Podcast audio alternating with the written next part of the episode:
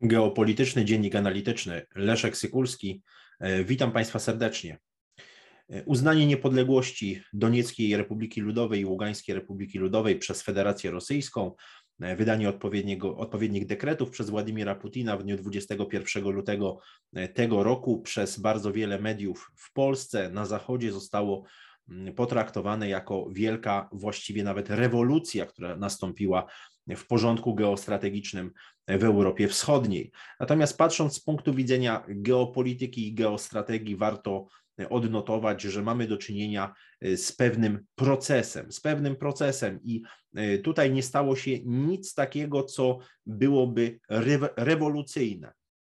Z bardzo prostego powodu. Po pierwsze, wojska rosyjskie w Donbasie stacjonują od roku 2014 i pod tym kątem y, tak naprawdę mamy do czynienia z pewną manifestacją polityczną, natomiast w sensie polityki realnej, w sensie realnego stacjonowania wojsk rosyjskich tutaj się naprawdę niewiele zmieniło. Te wojska były i są obecne w Donbasie. Y, druga sprawa to jest kwestia zapowiadanej y, wielkiej inwazji na Ukrainę amerykańskie media, brytyjskie media, a wraz z nimi także inne w Europie, również część polskich mediów zapowiadały taką inwazję, chociażby padała data 16 lutego, nawet godzina druga e, w nocy e, i tak dalej, i tak dalej, co oczywiście potęgowało pewien pewien strach, potęgowało efekt psychologiczny, e, oddziaływało bardzo negatywnie na gospodarkę ukraińską i warto pod tym kątem także rozważać właśnie tego typu działania, ponieważ wielu inwestorów z Ukrainy się e, wycofało mm, i na pewno gospodarka ukraińska na tego typu właśnie emocjach nie, nie zyskała. Natomiast ja od samego początku, od chwili, od tej odsłony napięcia rosyjsko-ukraińskiego, czyli od listopada 2021 roku twierdziłem, że nie będzie pełnoskalowej e, inwazji rosyjskiej na Ukrainę, takiej inwazji, która, której celem byłaby okupacja całej, e, całej Ukrainy. Uważałem i nadal uważam, że Rosja będzie się posługiwać działaniami hybrydowymi, mającymi na celu y, stopniową dezintegrację państwa ukraińskiego. I oczywiście to, co się wydarzyło mm, w, w 21 lutego, uznanie tej, tej niepodległości jest niczym innym jak elementem działań hybrydowych i to nie jest jakiś, mm, można powiedzieć, akt, który kończy w ogóle cały proces geostrategiczny, tylko jest to jeden z wielu mm, tak naprawdę elementów właśnie hybrydyzacji działań wobec, wobec Ukrainy i ten konflikt cały czas się toczy. Mm, i te różnego rodzaju pytania w przestrzeni publicznej, które powstają, czy Rosjanie wejdą, czy nie wejdą, no są oczywiście nie na miejscu, ponieważ wojna między Rosją a Ukrainą, wojna niewypowiedziana, toczy się, toczy się od 2014 roku, od chwili, od chwili aneksji Półwyspu Krymskiego, te wydarzenia z lutego e, i samo referendum Y, referendum, na, które miało na celu przyłączenie właśnie Półwyspu Krymskiego do Federacji Rosyjskiej, które odbyło się 16 marca 2014 roku, było takim właśnie e, początkiem tego, tego konfliktu który następnie oczywiście od kwietnia objął także, e, także Donbas. E, I w, tym, I w tym duchu warto oczywiście zadać pytanie, dlaczego teraz Rosja zdecydowała się na na eskalowanie żądań, na eskalowanie napięcia z, z Ukrainą, a nie na przykład w ciągu ostatnich ośmiu lat. Dlaczego nie nastąpiło to eskalowanie działań wobec Ukrainy?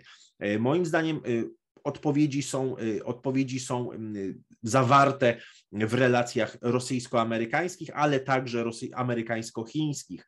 Musimy patrzeć zdecydowanie szerzej niż tylko i wyłącznie na sam Donbas czy na same stosunki y, polityczne gospodarcze w Europie Wschodniej.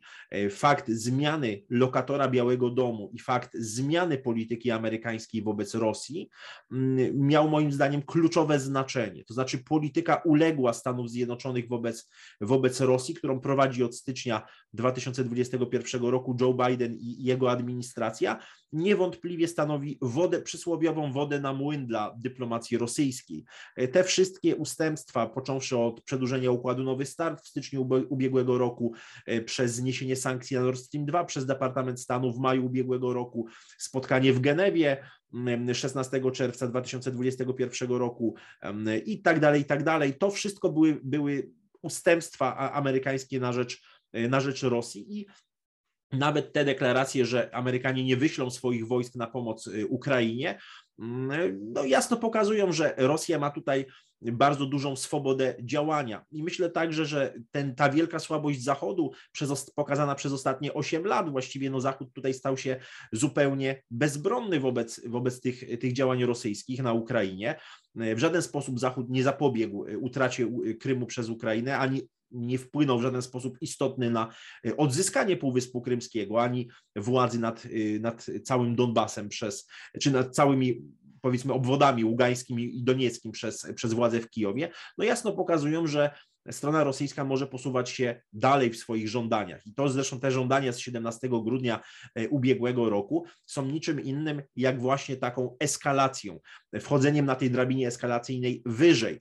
E, I co tutaj Federacja Rosyjska mogła ugrać? No przede wszystkim e, pewien e, rozdźwięk między państwami członkowskimi NATO i Unii Europejskiej, ale nie oczywiście w sensie stosunku do sankcji na Rosję czy tego typu spraw, ale w sensie przyznania, że porozumienia mińskie są jedynym, jedyną drogą do zapewnienia suwerenności państwa ukraińskiego. I to rzeczywiście się stało. To się stało w dniach 7 i 8 lutego tego roku, kiedy prezydent Macron kiedy prezydent Macron odwiedził kolejno Moskwę i Kijów, w Kijowie 8 lutego powiedział właśnie wprost, że porozumienia mińskie są jedyną gwarancją zachowania suwerenności e, państwa ukraińskiego. Zresztą politycy niemieccy również stali bardzo, e, w ostatnim czasie stali bardzo twardo na gruncie porozumień mińskich i o to Moskwie chodziło.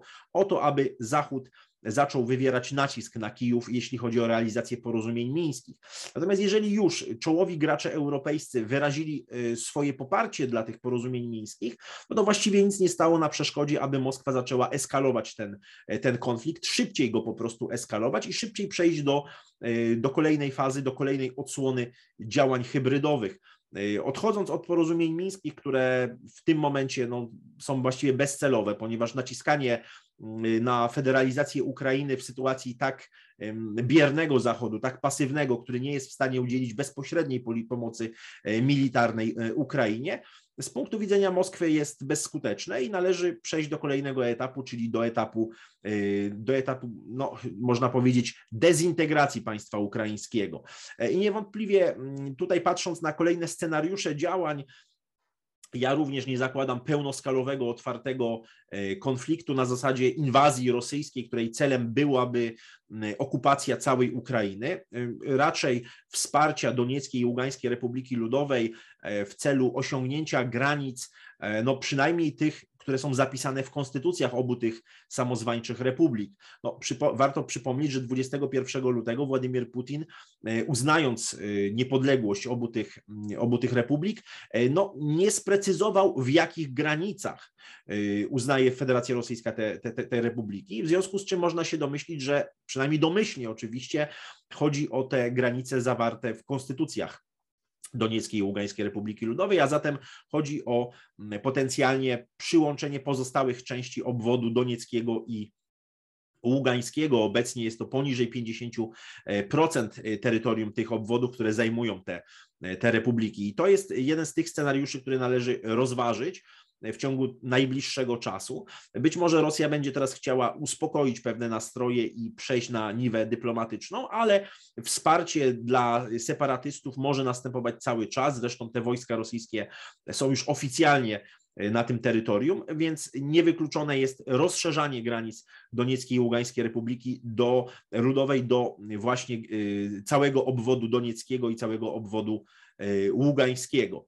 E, natomiast moim zdaniem te działania hybrydowe będą, będą znacznie szersze i, i już zresztą myślę, że działalność wywiadowcza rosyjska jest bardzo mocno skoncentrowana na generowaniu potencjału protestu e, na Ukrainie, do tworzenia także grup, powiedzielibyśmy, separatystów w innych obwodach Ukrainy, a także do podburzania części elit politycznych ukraińskich, które będą starały się naciskać na prezydenta Zełenskiego, aby wykonał jakieś gwałtowne, radykalne ruchy, chociażby aby włączył się y, militarnie w, od, w odzyskanie władzy nad Kijowa, nad, całymi, nad całym obwodem ługańskim, nad całym obwodem donieckim. Jeżeli tak rzeczywiście by się stało, no to mm, mielibyśmy do czynienia z, z powtórką, moim zdaniem, z, z sierpnia 2008 roku, Zresztą z punktu widzenia rosyjskiego sprowokowanie strony ukraińskiej do ataku byłoby moim zdaniem korzystne, Natomiast samo to ogłoszenie, warto również tutaj wysnuć pewną analogię z 2008 roku,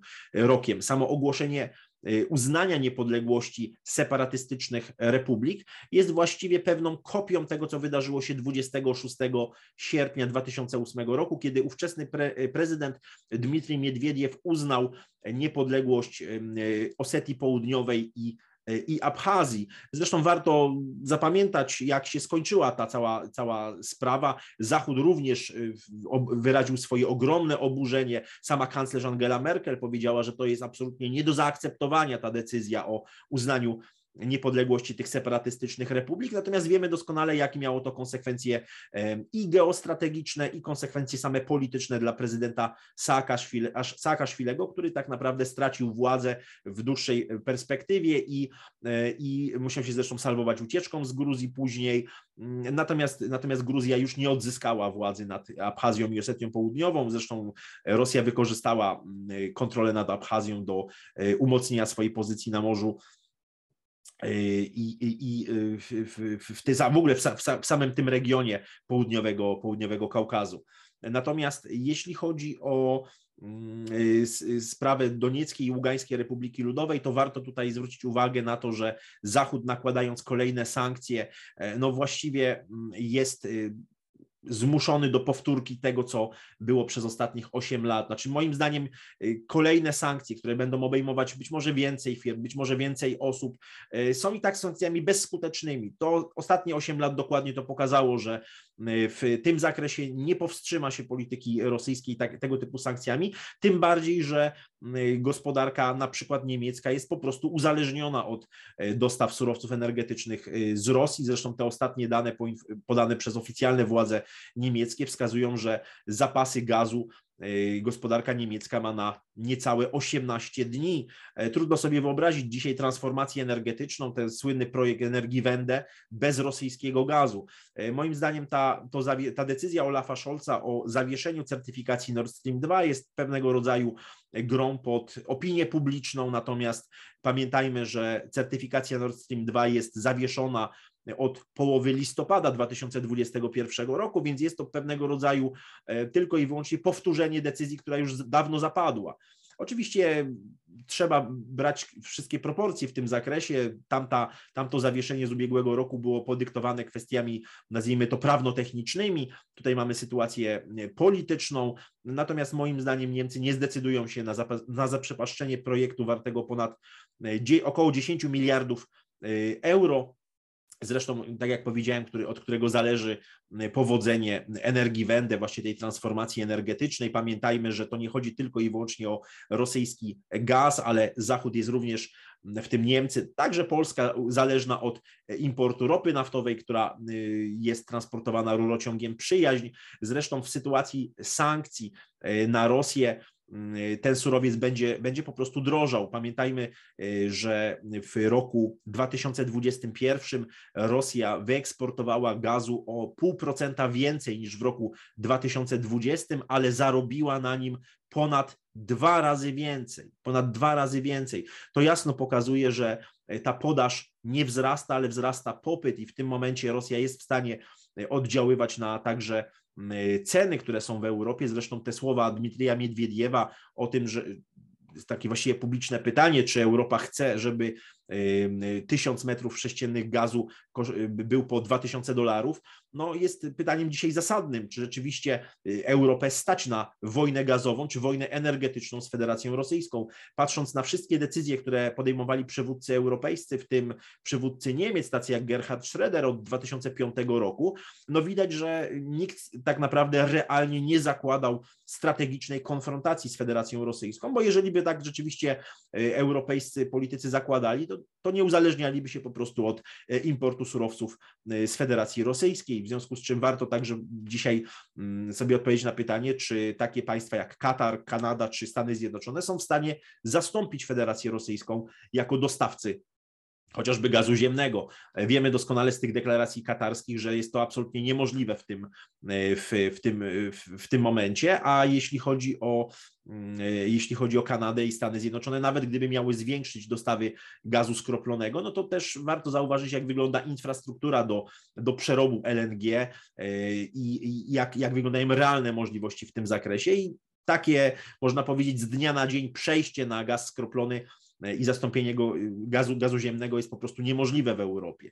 E, więc tutaj też trzeba mieć, y, znać proporcje, jeśli chodzi o politykę realną. To jest jasne, że dzisiaj te wydarzenia na wschodzie Ukrainy mm, w relacjach także ukraińsko-rosyjskich są bardzo dobrym pretekstem do odciągania uwagi społeczeństw zachodnich od licznych problemów społecznych, gospodarczych, e, które są pokłosiem różnych lockdownów, obostrzeń i, i, i całego tego sanitaryzmu, który który został wprowadzony, czyli tych wszystkich środków, które no, okazały się tak naprawdę przesadne w stosunku, do, w stosunku do realnego zagrożenia, jeśli chodzi o kwestie epidemiczne. I widać to także w Polsce, gdzie porażka Y, tego całego nowego ładu, całego nowego systemu podatkowego, właściwie zawalenie się całego tego, y, tego projektu mm, i, i, i, jego konsekwencje społeczne y, są dzisiaj przyćmiewane właśnie przez to, co się dzieje na wschodzie. Natomiast ja myślę, że generalnie patrząc realnie i oceniając to, co się dzieje dzisiaj na, na wschodzie Ukrainy, Ukraina nie odzyska już ani, ani Ługańska, ani Doniecka, ani e, Półwyspu Krymskiego. E, myślę, że działania destabilizacyjne rosyjskie na Ukrainie będą postępowały. Zachód poza wprowadzeniem nowych, nowych sankcji, zresztą bardzo kuriozalnych niektórych, chociażby takich jak, na, jak, jak Stany Zjednoczone wprowadziły na, na firmy, które prowadzą obrót handlowy z Doniecką i Ługańską Republiką Ludową, bo pamiętajmy, że de jure jest to nadal część Ukrainy, czyli mamy do czynienia z wprowadzeniem sankcji na Ukrainę, a nie na Rosję. E, mówimy o tych sankcjach, części tych sankcji amerykańskich, więc, więc mamy do czynienia z sytuacją, która moim zdaniem w żaden sposób nie zagrozi działalności, działaniom rosyjskim na Ukrainie. Ta sytuacja będzie się pogłębiać, będą się pogłębiać działania hybrydowe. Nie wykluczam, że z punktu widzenia bezpieczeństwa państwa polskiego e, nasili się także presja migracyjna na państwo polskie.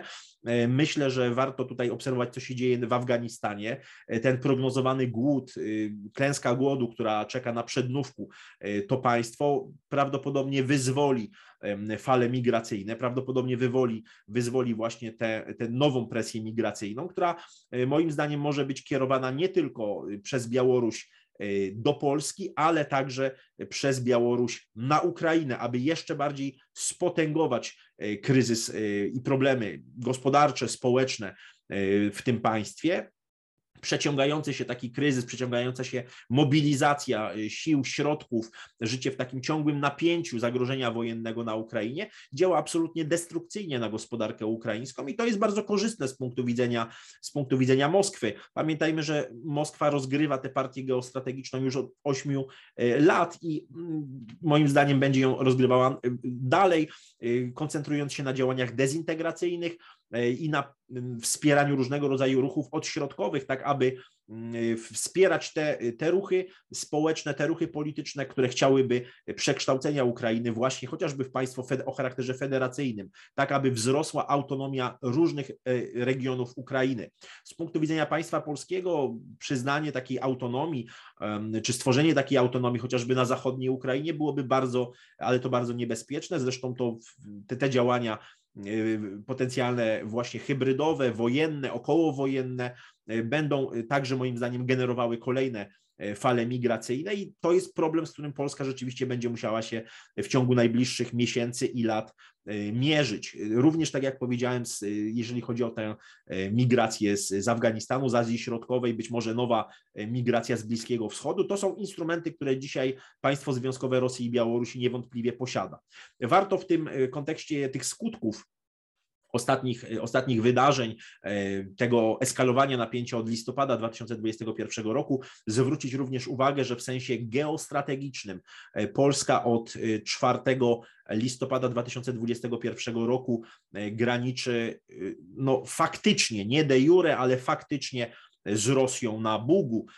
I to, to przyjęcie tych 28 planów integracyjnych między Republiką Białorusi a Federacją Rosyjską stworzyło właśnie taką geostrategiczną sytuację.